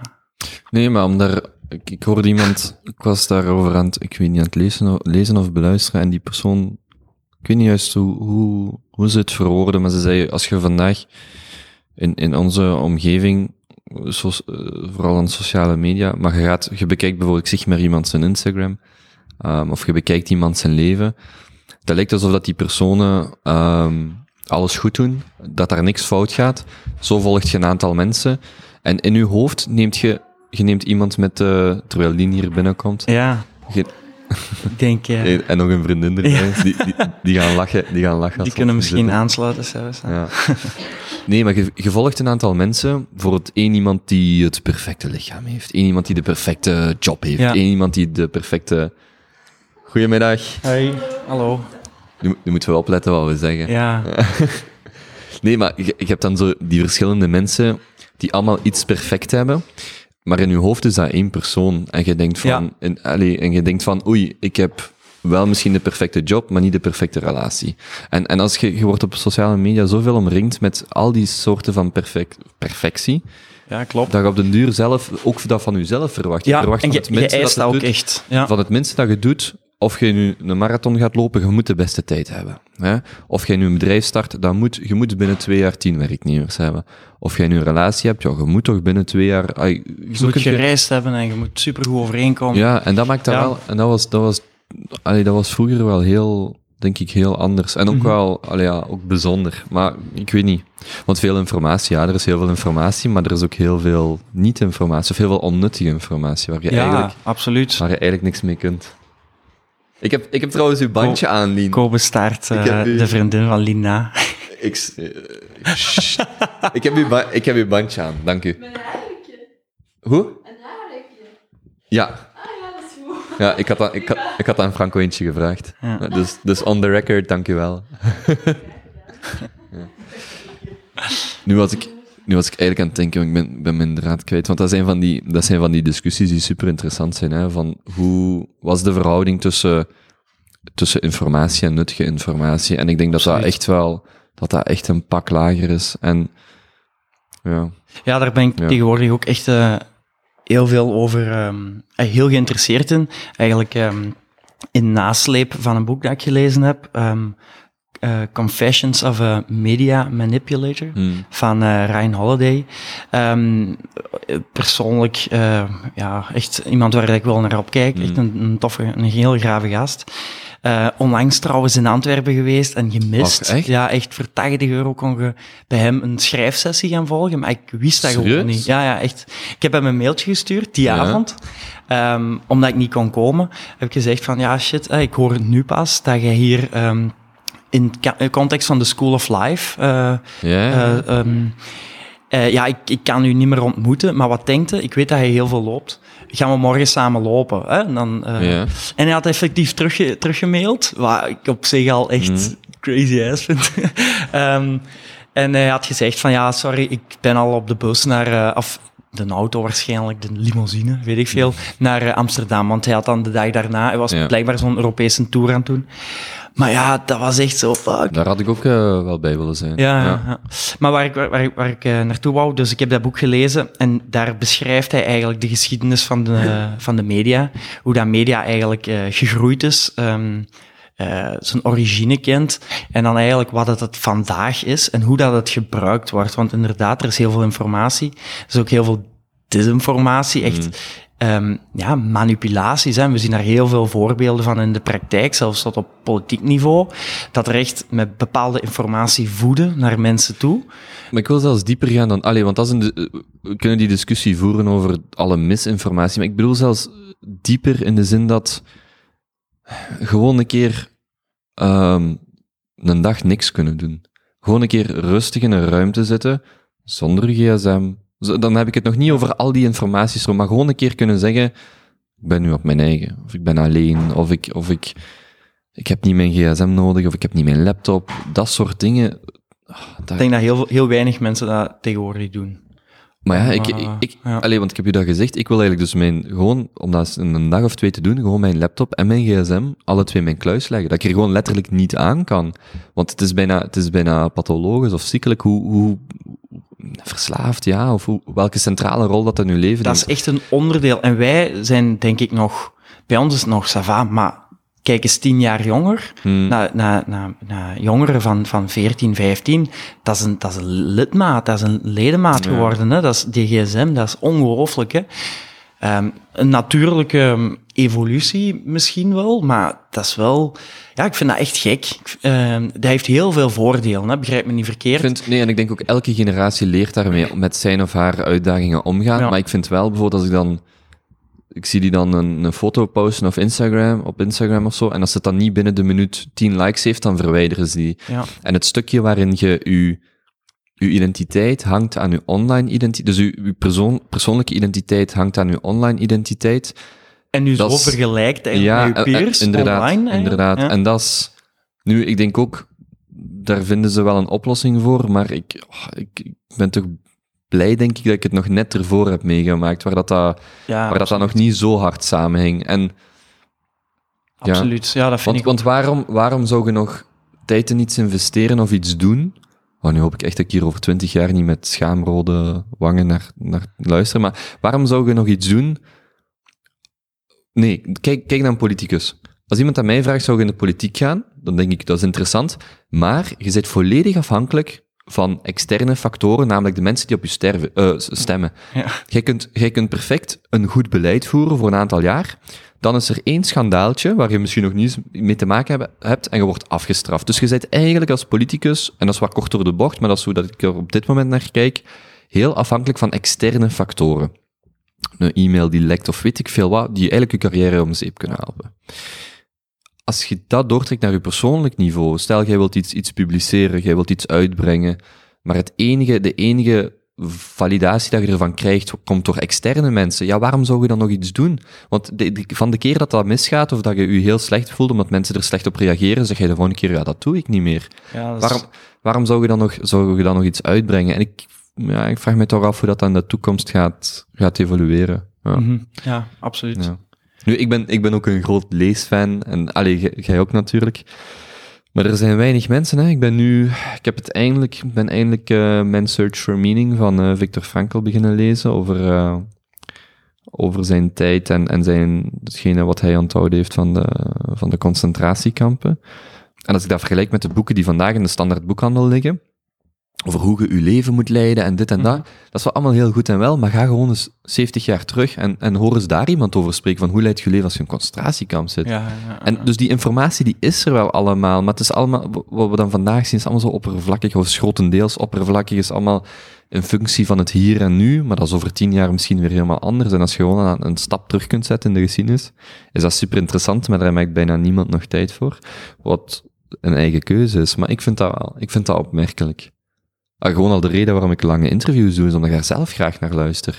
Ik, ik kan tegenwoordig, dat vind ik trouwens ook heel zot, ik kan geen radio, dus als ik thuis ben, mijn moeder heeft altijd de radio, die wil altijd de radio op hebben staan.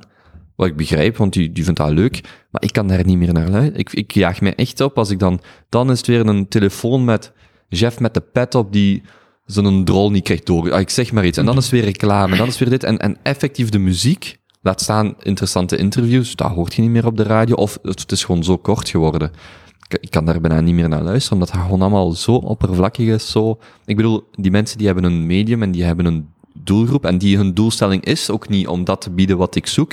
Maar ik kan daar bijna niet meer naar luisteren. Gewoon omdat dat zo... Ja, als ik in de auto zit, ik zet een podcast van twee of drie uur op. Omdat je daar terug zo wat diepgang, terug een echt gesprek hebt. Ah ja, nu ben ik hier een beetje aan het ranten over... eh, Nee, nee, nee, maar Ja. ik ben wel akkoord. Je hebt ook gewoon veel mogelijkheden om, je, om jezelf te voeden met bepaalde bronnen. En daar, daar ben ik ook wel ehm, tamelijk selectief in geworden. Ja. Bijvoorbeeld, ik vind het concept, dat- die discussie heb ik al een aantal keer, of dat gesprek heb ik een, aan, een aantal keren met een aantal mensen gehad. Ik vind het concept bijvoorbeeld van het journaal, het nieuws, Hmm. ik vind dat echt heel achterhaald en ook zelfs een beetje, ja, echt raar dat dat in stand blijft. Dus wat ik wil zeggen is, de VRT, de redactie of, of een VTM, die beslissen wat dat eigenlijk de Belgische bevolking die daar naar kijkt, en dat is eigenlijk heel veel volk, die beslissen een vijf, zes aantal topics die die dag zijn gebeurd, die in één uur getoond worden. En dat is zogezegd het nieuws van de dag. Maar nu, als je kijkt op welke manier dat we informatie binnenkrijgen, hè, via social media of, of via podcasts, via boeken, eigenlijk meer online. Er gebeurt zoveel meer en er is zoveel meer informatie, dat ik het echt heel raar vind dat je, ja, dat op één uur tijd iemand anders beslist voor u wat dat nieuws is van de dag. Ik vind dat heel raar en ik vind dat eigenlijk zelfs heel gevaarlijk. Als je, als je daarbij nadenkt, dan beslist eigenlijk iemand anders. Stel, ay, vroeger dan, hè. Het nieuws, ay, als je naar het nieuws kijkt, dat was eigenlijk hetgeen wat er die dag gebeurd was. Want je had niet heel veel andere media om u ehm, te informeren. Dat schept echt gewoon uw beeld, hè. Hoe dat jij naar de wereld kijkt. Er is eigenlijk het antwoord wat ik daarop heb voor mijzelf, en dat is van de boeken van Neil Postman, die hij in de jaren tachtig heeft geschreven, ging het over de televisiecultuur. En dat heeft mijn, mijn, mijn idee daar rond veranderd. De functie van het journaal is niet om het nieuws te delen, is louter om een stukje entertainment te hebben. Want als jij kijkt naar wat het journaal is, in het begin is daar zo'n jingle. Het journaal. Heeft niks te maken met nieuws. Dan de, zelfs de representatie van de journalisten die er zitten, de nieuwsankers. Dat is geen doorsnee Belg die daar zit. Mooi in pak, mooi afgeborsteld, perfecte Nederlandse uitspraak. Dat is ook niet. Heeft niks met nieuws te maken. Super geformateerd. Elk nieuwsfeitje is twee minuten lang, met Mhm. beelden. Hè. Heeft niks te maken met de realiteit.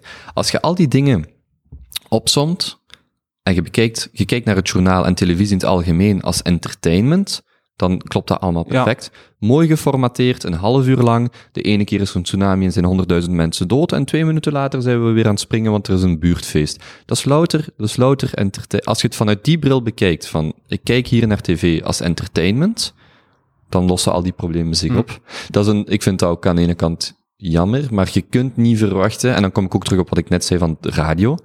Als je daar naar luistert met het idee, dit is entertainment, Ah, dan kun je er naar luisteren. Als je er naar luistert met het idee van, hier moet ik iets van leren, ja, dan moet je niet naar Q-Music of, allee, of naar eender welk radiostation luisteren. En het zijn die boeken van Postman, hij gaat daar heel, heel diep op in, hoe dat eigenlijk televisiecultuur, maatschappelijke debatten verandert en dergelijke. En hij zegt, het louter entertainment. En als je er op een andere manier naartoe kijkt, dan gaat je gefrustreerd zijn, want waarom is dat nu nieuws? Waarom, waarom dit feitje of dat feitje? Ik kwam hier eh, net voorbij gefietst, want dat- ik weet niet of dat uit zijn boek komt, of, of iemand anders, maar het ging erover dat Dus als je vroeger, 100, 200 jaar geleden, advertenties had in een krant voor een product, dat was allemaal vrij rationeel. Ehm, koop deze, deze fiets, want die banden zijn zo dik, dat is het profiel. Je kunt daar echt een vrij objectieve en rationele advertentie waarom een product beter is. En het argument is, de, de, de advertenties van vandaag, met beeld en audio, die zeggen veel meer over onze collectieve angst dan over het product zelf. En ik kom hier, ik geef een voorbeeld, ik kom hier de, fiet, de um, straat omgereden, er hangt hier een bord van de nieuwe BMW X2, en er stond iets op, want het is een nieuw model, iets van, durft je de eerste te zijn om hem te temmen? Het was in het Engels, ja. dare to be the first to drive, of ja. het was zoiets. Okay, ja. Maar dus die zin, die advertentie, dat zegt alles over wat wij als maatschappij. Zijt je de eerste? Durft je het wel? Maar het gaat over een stomme auto. Dus vroeger zouden ze daar schrijven: oké, okay, dit is een X2, geschikt voor dit type profiel. Veel rationeel. Vandaag zegt, zegt die advertentie ons veel meer over wat wij, over ons als maatschappij, als, als specifiek die wagen. Als je bijvoorbeeld advertenties bekijkt van Coca-Cola. Mm -hmm. Dan zit je daar gelukkige mensen op een strand die fijn van een flesje drinken. Dat wilt het enige wat die advertenties proberen te zeggen is, als je dit drinkt, gaat jij je beter voelen, want dan zit je in die sfeer. Ja, ja dat is puur marketing. Maar heeft, ja, niks, ja. heeft niks met dat dingen te maken. En ik vind dat, als Dat je er dan vanuit entertainment naar kijkt, dan verandert dat wel, verandert dat wel veel. Ja. Ja, dat is waar. Ja, als je die een bril opzet, dan klopt dat. Ehm, ik vraag me dan gewoon af hoeveel mensen dat die een bril dan echt dat, dat bewust doorhebben. Maar Ja. dat is natuurlijk een heel andere discussie. Ja. En ik heb ook geen oplossing, of ik, als het dan al een probleem is. Maar de- vroeger bijvoorbeeld, hè, als je een debat had, dus nu kijk ik kijk graag de afspraak, maar dan heb je daar tien minuten de tijd om te, dis- te discussiëren. Vroeger had je een debat tussen twee politici bijvoorbeeld. De ene kreeg drie uur voor zijn punt te maken, Ja, dan de andere kreeg drie uur en een half, en dan kreeg die eerst nog eens een half Ja. uur om te reageren. En dus een politiek debat daar was effectief een, een, een zondag lang of zo, waar dat dus zes, zeven uur werd gedebatteerd. En daar wisten de mensen ook veel meer, waren ze veel beter op de hoogte van wat er gebeurt. Terwijl vandaag, nou, je bent lokaal wel een beetje actief, maar weet jij wat er, wat er eigenlijk nog aan politiek gebeurt? Op het, goh. het is ook moeilijk om te volgen, maar we zitten in een heel andere dynamiek. En ik vind dat, ik vind dat, ik weet niet of het allemaal eh, zo gemakkelijk is. En of het allemaal maar beter is dat je bijvoorbeeld, ik zeg maar, een politicus direct via Twitter moet reageren op iets, in plaats van een aantal dagen zijn mond te houden en na te denken. Maar oké, dat, gaat, dat gaat verder. Oh, kijk eens aan. We krijgen ondertussen eh, koffiekoeken. Alright. Ik moet, ik, hoe zeg je? Bakker Aldo. Ah ja, dat is een, eh, een tip. Ehm, dat is een, eh, een bakkerij, wel in Berchem. Dat is een eh, ambachtelijke bakkerij van eh, een vriend en vriendin van ons, Aldo en Emma. Dat is fantastisch lekker brood. Bakkerij Aldo. Aldo. Aldo, en hij heet Aldo Neri. Dat is ook niet Aldo half Neri. Italiaan. Ja. Bakkerij Aldo Neri in Berchem. Ja, Ik ga een stukje pakken. doen. Ehm, wacht, hè. ik ga even kijken hoe lang we eigenlijk al bezig zijn. Ehm, we wilden nog spreken over eh, reizen, lezen, lopen. Ondernemerschap hebben we gehad. Eh, de kennismaking hebben we gehad. Ik wil, ik wil u eigenlijk vragen over ehm, hoe jij actief probeert te leren. Studeren, leren, hoe je actief probeert ehm, eh, zowel op, nee, het is eigenlijk altijd op persoonlijk vlak, maar hoe bekijk je dat? Je bent, je bent afgestudeerd waarin dat er heel veel eh, informatie in u wordt gepompt, waar je ook je, Mhm. je examens van maakt en derder. Maar sinds dat punt, hoe, hoe gaat je om met leren of met studeren in het algemeen, met uzelf bij te, eh, bij te Ja. brengen of, of in te lezen? Terwijl ik Ehm. ondertussen die koffiekoek ga snijden. dat is goed. Ehm, smakelijk. Ja, nee, dat is ook voor u. hè? Ja, snij ze maar in, eh, in vier of zo. Ehm, ja, bijleren. Ehm, ik probeer mijn bronnen natuurlijk een beetje te selecteren en zo ehm, specifiek mogelijk te gaan. Ik, oh ja, eigenlijk is het ook gewoon waar dat ik mij op dat moment in interesseer. Stel dat ik eh, een Turk ben gaan lopen en er is een bepaald idee in mij opgekomen of zo. Dan, eh, dan zoek ik daar gewoon wat artikels over op. Ehm, ik luister een, een podcast met een, een expert op dat vlak. Ehm, en eventueel probeer ik ook die dingen in praktijk te doen, omdat ik denk dat je daar dan nog wel het meeste van, van leert. Ehm, wat wij ook deden met eh, Rebels, en dat vind ik misschien zelfs de meest efficiënte manier van leren. Ehm, en daar ga ik mij zeker bij bijtreden, want dat is wat dat je doet, is gewoon met mensen afspreken en daarover praten. En eh, als dan een expert is en ik zeg maar iets storytelling, um, gewoon mee afspreken en hoe zie je dat en hoe, hoe is de evolutie, hoe kom je daarbij, wat is uw motivatie om daar, uh, daarmee te beginnen. En dat is, dat is fijn als je wat achtergrond hebt, als je wat artikels hebt gelezen of zo. Um, of, of zelfs een boek of, of, een, of in een serie daar iets over heeft, hebt gezien. Maar ik denk dat het nog altijd heel waardevol is om met een persoon te praten die hmm. waarschijnlijk dezelfde vragen als u had, maar een aantal maanden of jaren terug. En daar effectief mee aan de slag is gegaan. Dus uh, op die manier probeer ik heel hard bij te leren. Nu, met Rebels had ik een excuus om met mensen af te spreken. Uh, of had ik een goede e-mail klaar om te zeggen, ik ben een jong ondernemer en ik denk wel, of ik vind dat jij heel interessante dingen doet waar ik wel iets over wil bijleren. Verrassend veel uh, mensen gaan dan gewoon akkoord met, ja, kom maar gerust eens langs. Voor mij trouwens hetzelfde met de podcast. Hè? Gewoon, ja, ja, gewoon, het, is daarmee, ja. het is daarmee dat ik het zeg dat je mij zou bijtreden, want dat is effectief wat dat je doet met de podcast, waar dat jij je in interesseert uh, op dat moment. Spreek je gewoon af met mensen. En uh, ja, mijn gesprek, daarna, uh, gesprek daarover. Um, wat dat ik ook wel beetje heb geleerd of zo, of waar ik op probeer te letten, zal ik zeggen, is, um, ik ben zo'n aantal uh, boeken gelezen de laatste tijd, um, zo wat praktische filosofie, zal ik zeggen, stoïcijnse dan. En daar staan zo regelmatig zinnetjes in van, iedereen Um, iedereen die je op straat tegenkomt, is eigenlijk in een op een bepaalde manier een leermeester voor u. Mm -hmm.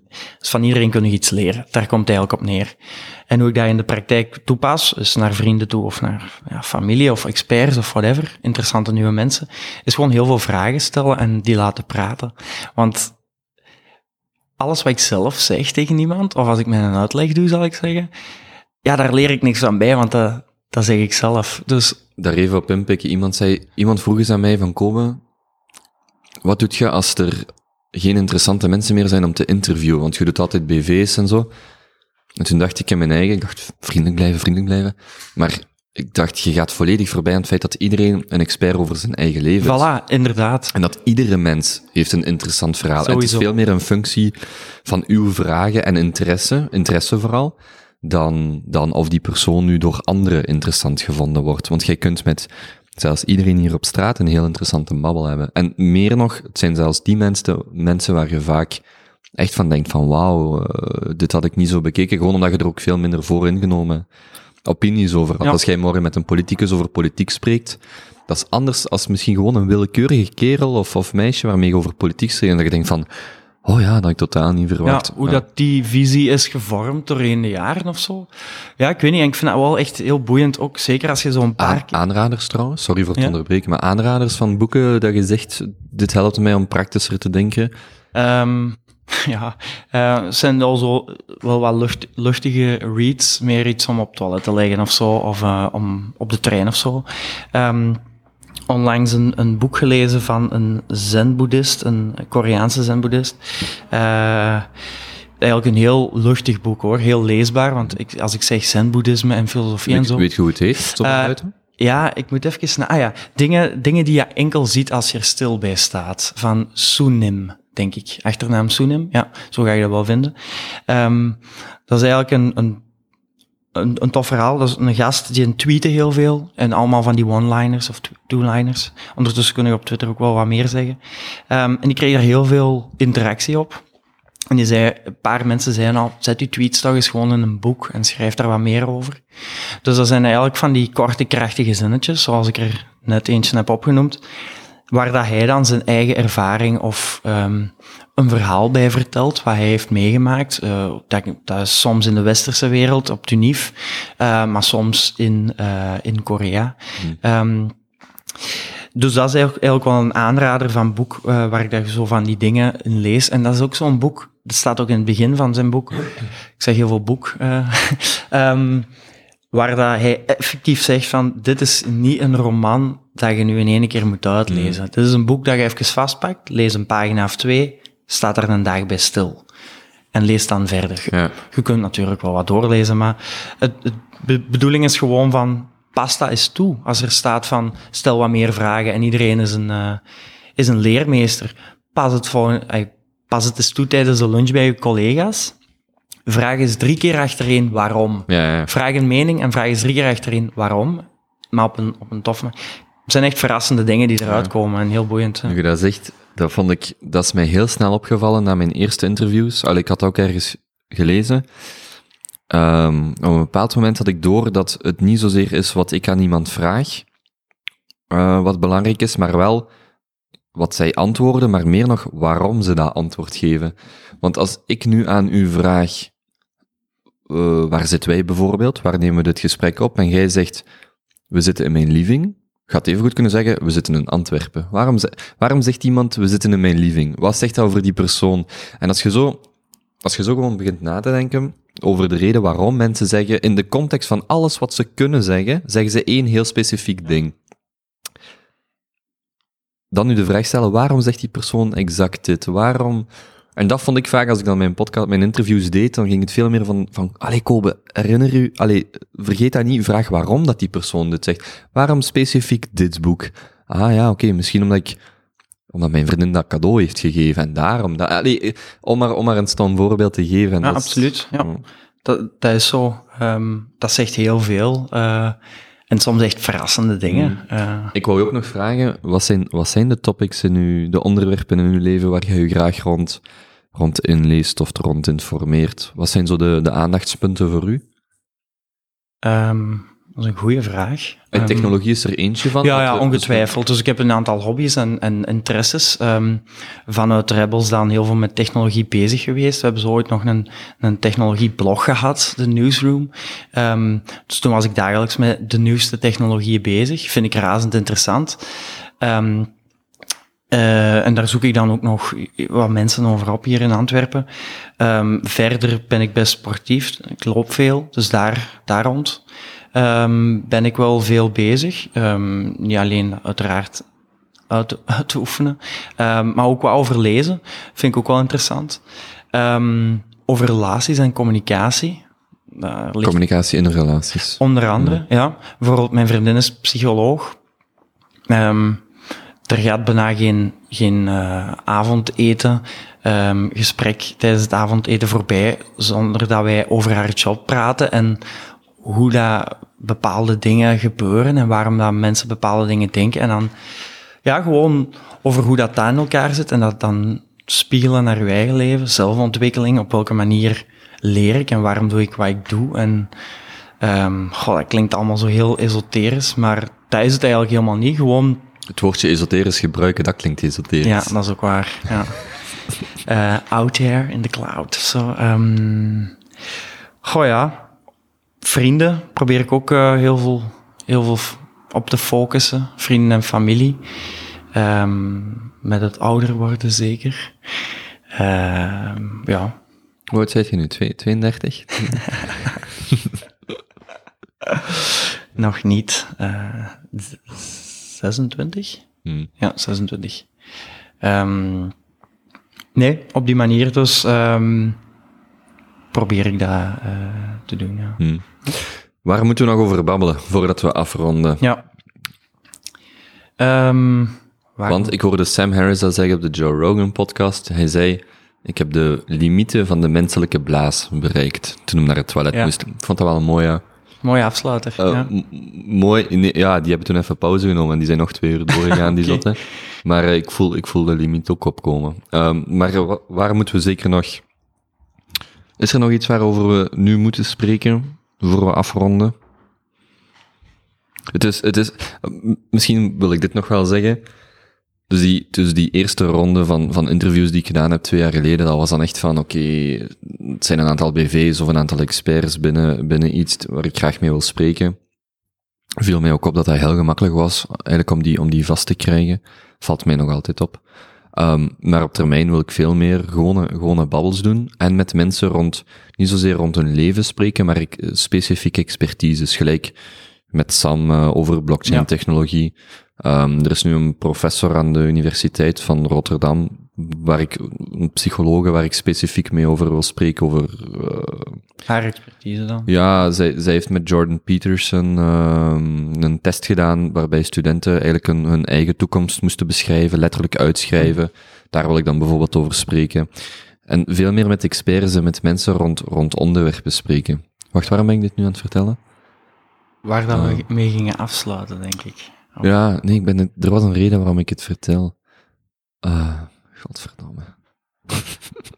Eh, nee, alleen gewoon die, dus die evolutie van, van vroeger, ik, ik ging met Herman Brusselmans babbelen over zijn leven en dat is wel interessant, maar nu gewoon veel meer, veel meer met mensen willen spreken, omdat, omdat, die, omdat die allemaal wel iets te vertellen hebben. En het is super interessant om, om, om een keer lang en uitgebreid met iemand te kunnen babbelen over datgene wat dat die persoon doet en datgene waar dat hij heel veel kennis over heeft. En dat vind ik, dat vind ik nu bij die, bij die interviews. Dus het is, het is zo wat zoeken van, oké, hoe, hoe ver moet je hier nu in gaan? Of, of, of was nu het juiste format? Of hoe lang moet zoiets zijn? Maar ik vind dat wel super tof om te doen. Ehm, en ik heb geen idee waarom ik dit allemaal vertel. Ah, ja, oké. Ja. Nee, ik vind, ik vind het ook heel cool. Ik, eh, ik heb een aantal afleveringen geluisterd van uw eerste ehm Tour de Table of zo, eh, hoe dat we het zullen noemen. En nu ook een aantal van de, van de tweede, eh, tweede seizoen dan. Ehm, ja, ik vind dat ook heel cool. Ik vind dat heel interessant om naar te luisteren. Ik denk dat ook andere mensen dat ook heel interessant vinden. Nee, je bent de enige luisteraar. Ehm, deze aflevering zal misschien iets minder zijn. Eh, nu zullen mensen denken van, maar die dat uur en drie kwartier heb ik nu gedaan. Eh, maar eh, nee, ik vind dat heel cool. Ik, ik vind vooral dat je moet doordoen ermee. Het werd wel, wel jij die zei van, allee, dan, toen we die tweede graadsdiner, toen we dat, dat tweede graadsdiner deden, ehm, dat ik zei van, ja, ik zou eigenlijk graag ook, niet per se grootser, maar er wel meer mensen in betrekken, door dat bijvoorbeeld bij iemand thuis te doen, en dan, ehm, als ik bijvoorbeeld zeg, ik, ik, ik interview, ik zeg maar neuropsychologen over iets, dat je die gewoon een avond uitnodigt, je doet je gesprek, je hebt daar wat volk bij, Absoluut, ja. die dan ook nog misschien een Q&A of wat interactie of wat daar, dat, dat is iets wat super interessant is en waar ik dan naar kijk zijn zo die, ik weet niet of ik toen dat voorbeeld heb gegeven van 90 Second Y Street met Gladwell en Lewis dan, die elkaar, de ene interviewt de andere op het podium en daar zit dan misschien ja, 500 of 1000 man en ja, zoiets op termijn kunnen doen, dat je gewoon zegt van, we, we, we maken hier een toffe avond van, we interviewen iemand, of, of ik interview iemand, wat als podcast ook gepubliceerd wordt, en daar zijn gewoon meerdere mensen bij, en dat dan al dan niet live doen of zo, lijkt me wel... Ja, in plaats van Ja. zo'n living room concert, living room podcast. Ja, Ik denk ook wel dat dat eh, wel wat volk zou lokken. Ehm, zeker als je, want je nodigt specifiek iemand uit altijd met een bepaald wel vrij niche expertise. Ehm, ja, al heb, al heb je tien man, is dat al een tof publiek. Ehm, je kunt daar een toffe avond van maken. Dat is een win-win. Die, die een expert zal misschien zijn netwerk kunnen uitbreiden. Die andere mensen hebben de kans om een expert te ontmoeten in wat dat zij geïnteresseerd zijn. Ehm, en ik denk dat er nog heel veel groeipotentieel ligt in uw, eh, in uw project eh, met uw podcast. Eh, ongetwijfeld. Ehm, ja, zeker een hoop publiek aanwezig om dat, eh, om dat te zoeken en te bereiken. En dan eh, trouwe volgers, hè. je moet er maar duizend hebben. Hè. En dan zijn je vertrokken. goed, met de wijze woorden van Franco gaan we afsluiten. En dan de Yes. koffiekoeken beginnen. Ja, ik ga dat hier in mijn mond steken. Oké, goed. Bedankt, eh Koba. Jij bedankt. Veel succes. Ja. En tot op eh, het strand of in Antwerpen. Zeker welkom. Yo.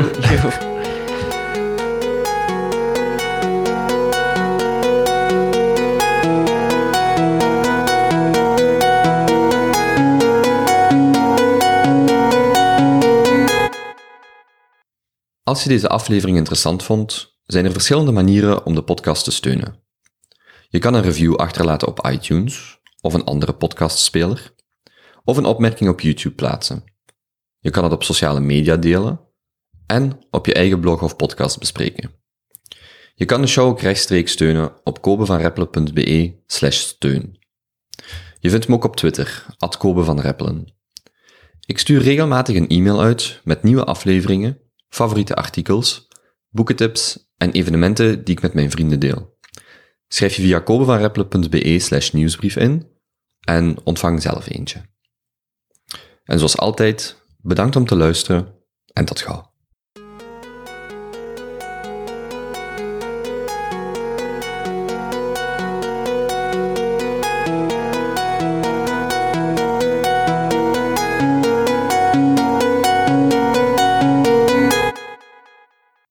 Als je deze aflevering interessant vond, zijn er verschillende manieren om de podcast te steunen.